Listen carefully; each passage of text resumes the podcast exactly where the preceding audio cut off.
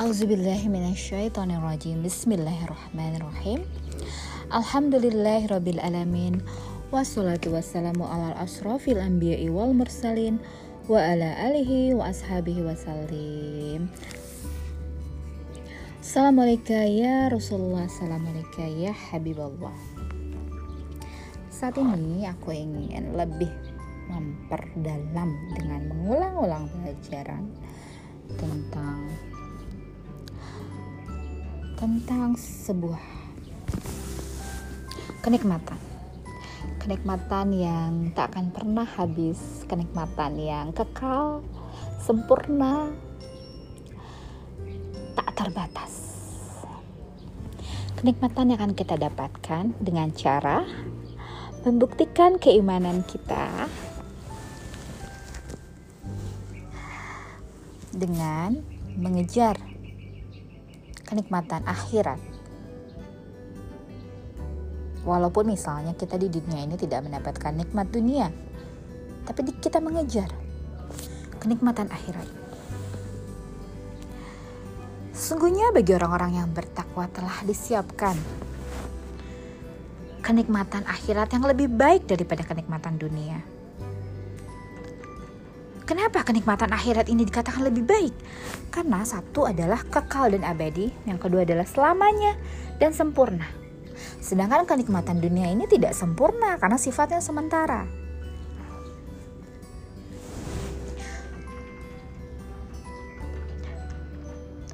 Apakah ingin ku beritahu kepadamu yang lebih baik daripada nikmat-nikmat dunia? Ya, itu adalah kenikmatan akhir.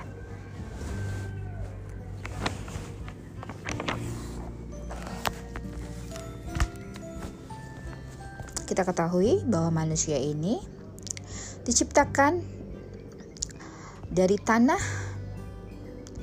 air, setetes air mani, diliputi cahaya. Kenapa aku bisa bilang diliputi cahaya? Karena roh itu sesungguhnya adalah cahaya. Walaupun tingkat cahayanya itu tergantung kepada dia, bagaimana dia bisa meningkatkan kadar cahaya pada dirinya agar lebih mulia ketimbang malaikat. Kita di sini berbuat perbandingan dulu antara manusia dan malaikat. Malaikat dikatakan terbuat dari cahaya. Namun, malaikat tidak dilengkapi dengan hawa nafsu Manusia diberikan hawa nafsu, diberikan akal untuk berpikir. Maka, apabila manusia dapat mengendalikan hawa nafsunya, maka dia bisa lebih mulia ketimbang malaikat.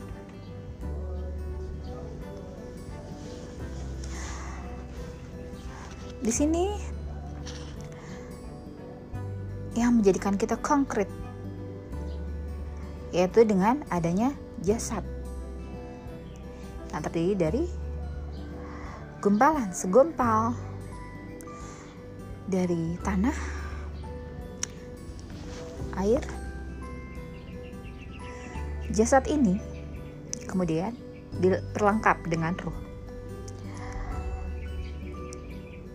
Dan kemudian diberikan hawa nafsu namun di sini diberikan akal untuk berpikir sebuah inisiatif. Maka dari inisiatif ini manusia bisa salah, bisa benar. Untuk itu maka Allah berikan petunjuknya. Sebuah kitab yang nyata, kitab yang benar sebagai petunjuk, pembimbing, beserta dengan penjabarannya yang dijabarkan secara jelas detail oleh Rasulullah SAW sebagai pembimbing kita untuk menjadikan kita jiwa-jiwa yang selamat atau menjadi khalifah di muka bumi ini.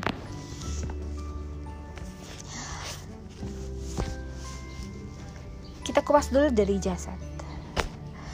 Jasad ini saat di dunia bersifat sementara karena dia memiliki keterbatasan, tidak sempurna, tidak kekal, ada masa waktunya.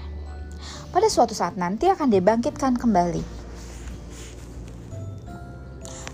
Dibangkitkan kembali untuk mempertanggungjawabkan semua apa yang kita lakukan.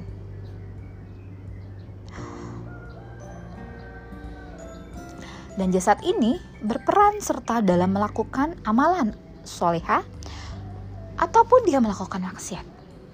Maka di sini akan diberi ganjaran.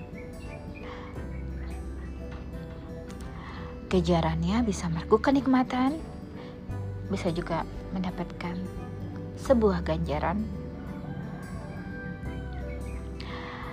Nah, yang diberi ganjaran ini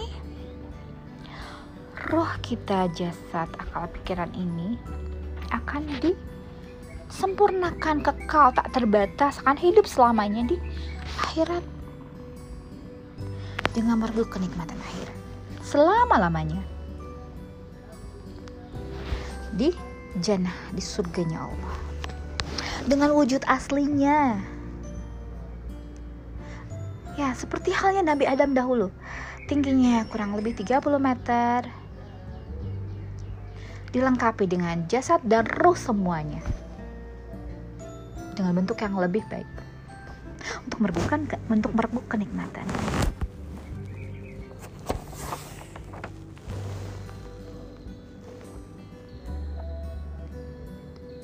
Itulah yang dapat aku ulang-ulang tentang pemahaman aku ya semoga ini sedikit lebih membuka lagi pemahaman aku tentang konsep tentang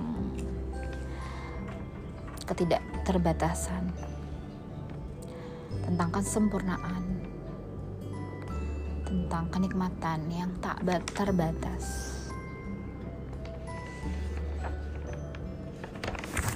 Mungkin itu saja. Wallahu alam biswab.